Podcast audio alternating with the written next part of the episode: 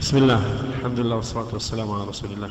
فضيلة الشيخ يقول البعض أن السلام على أهل القبور آه، لا يستحسن إلا إذا كان بالنية الذهاب لزيارة المقبرة بالذات.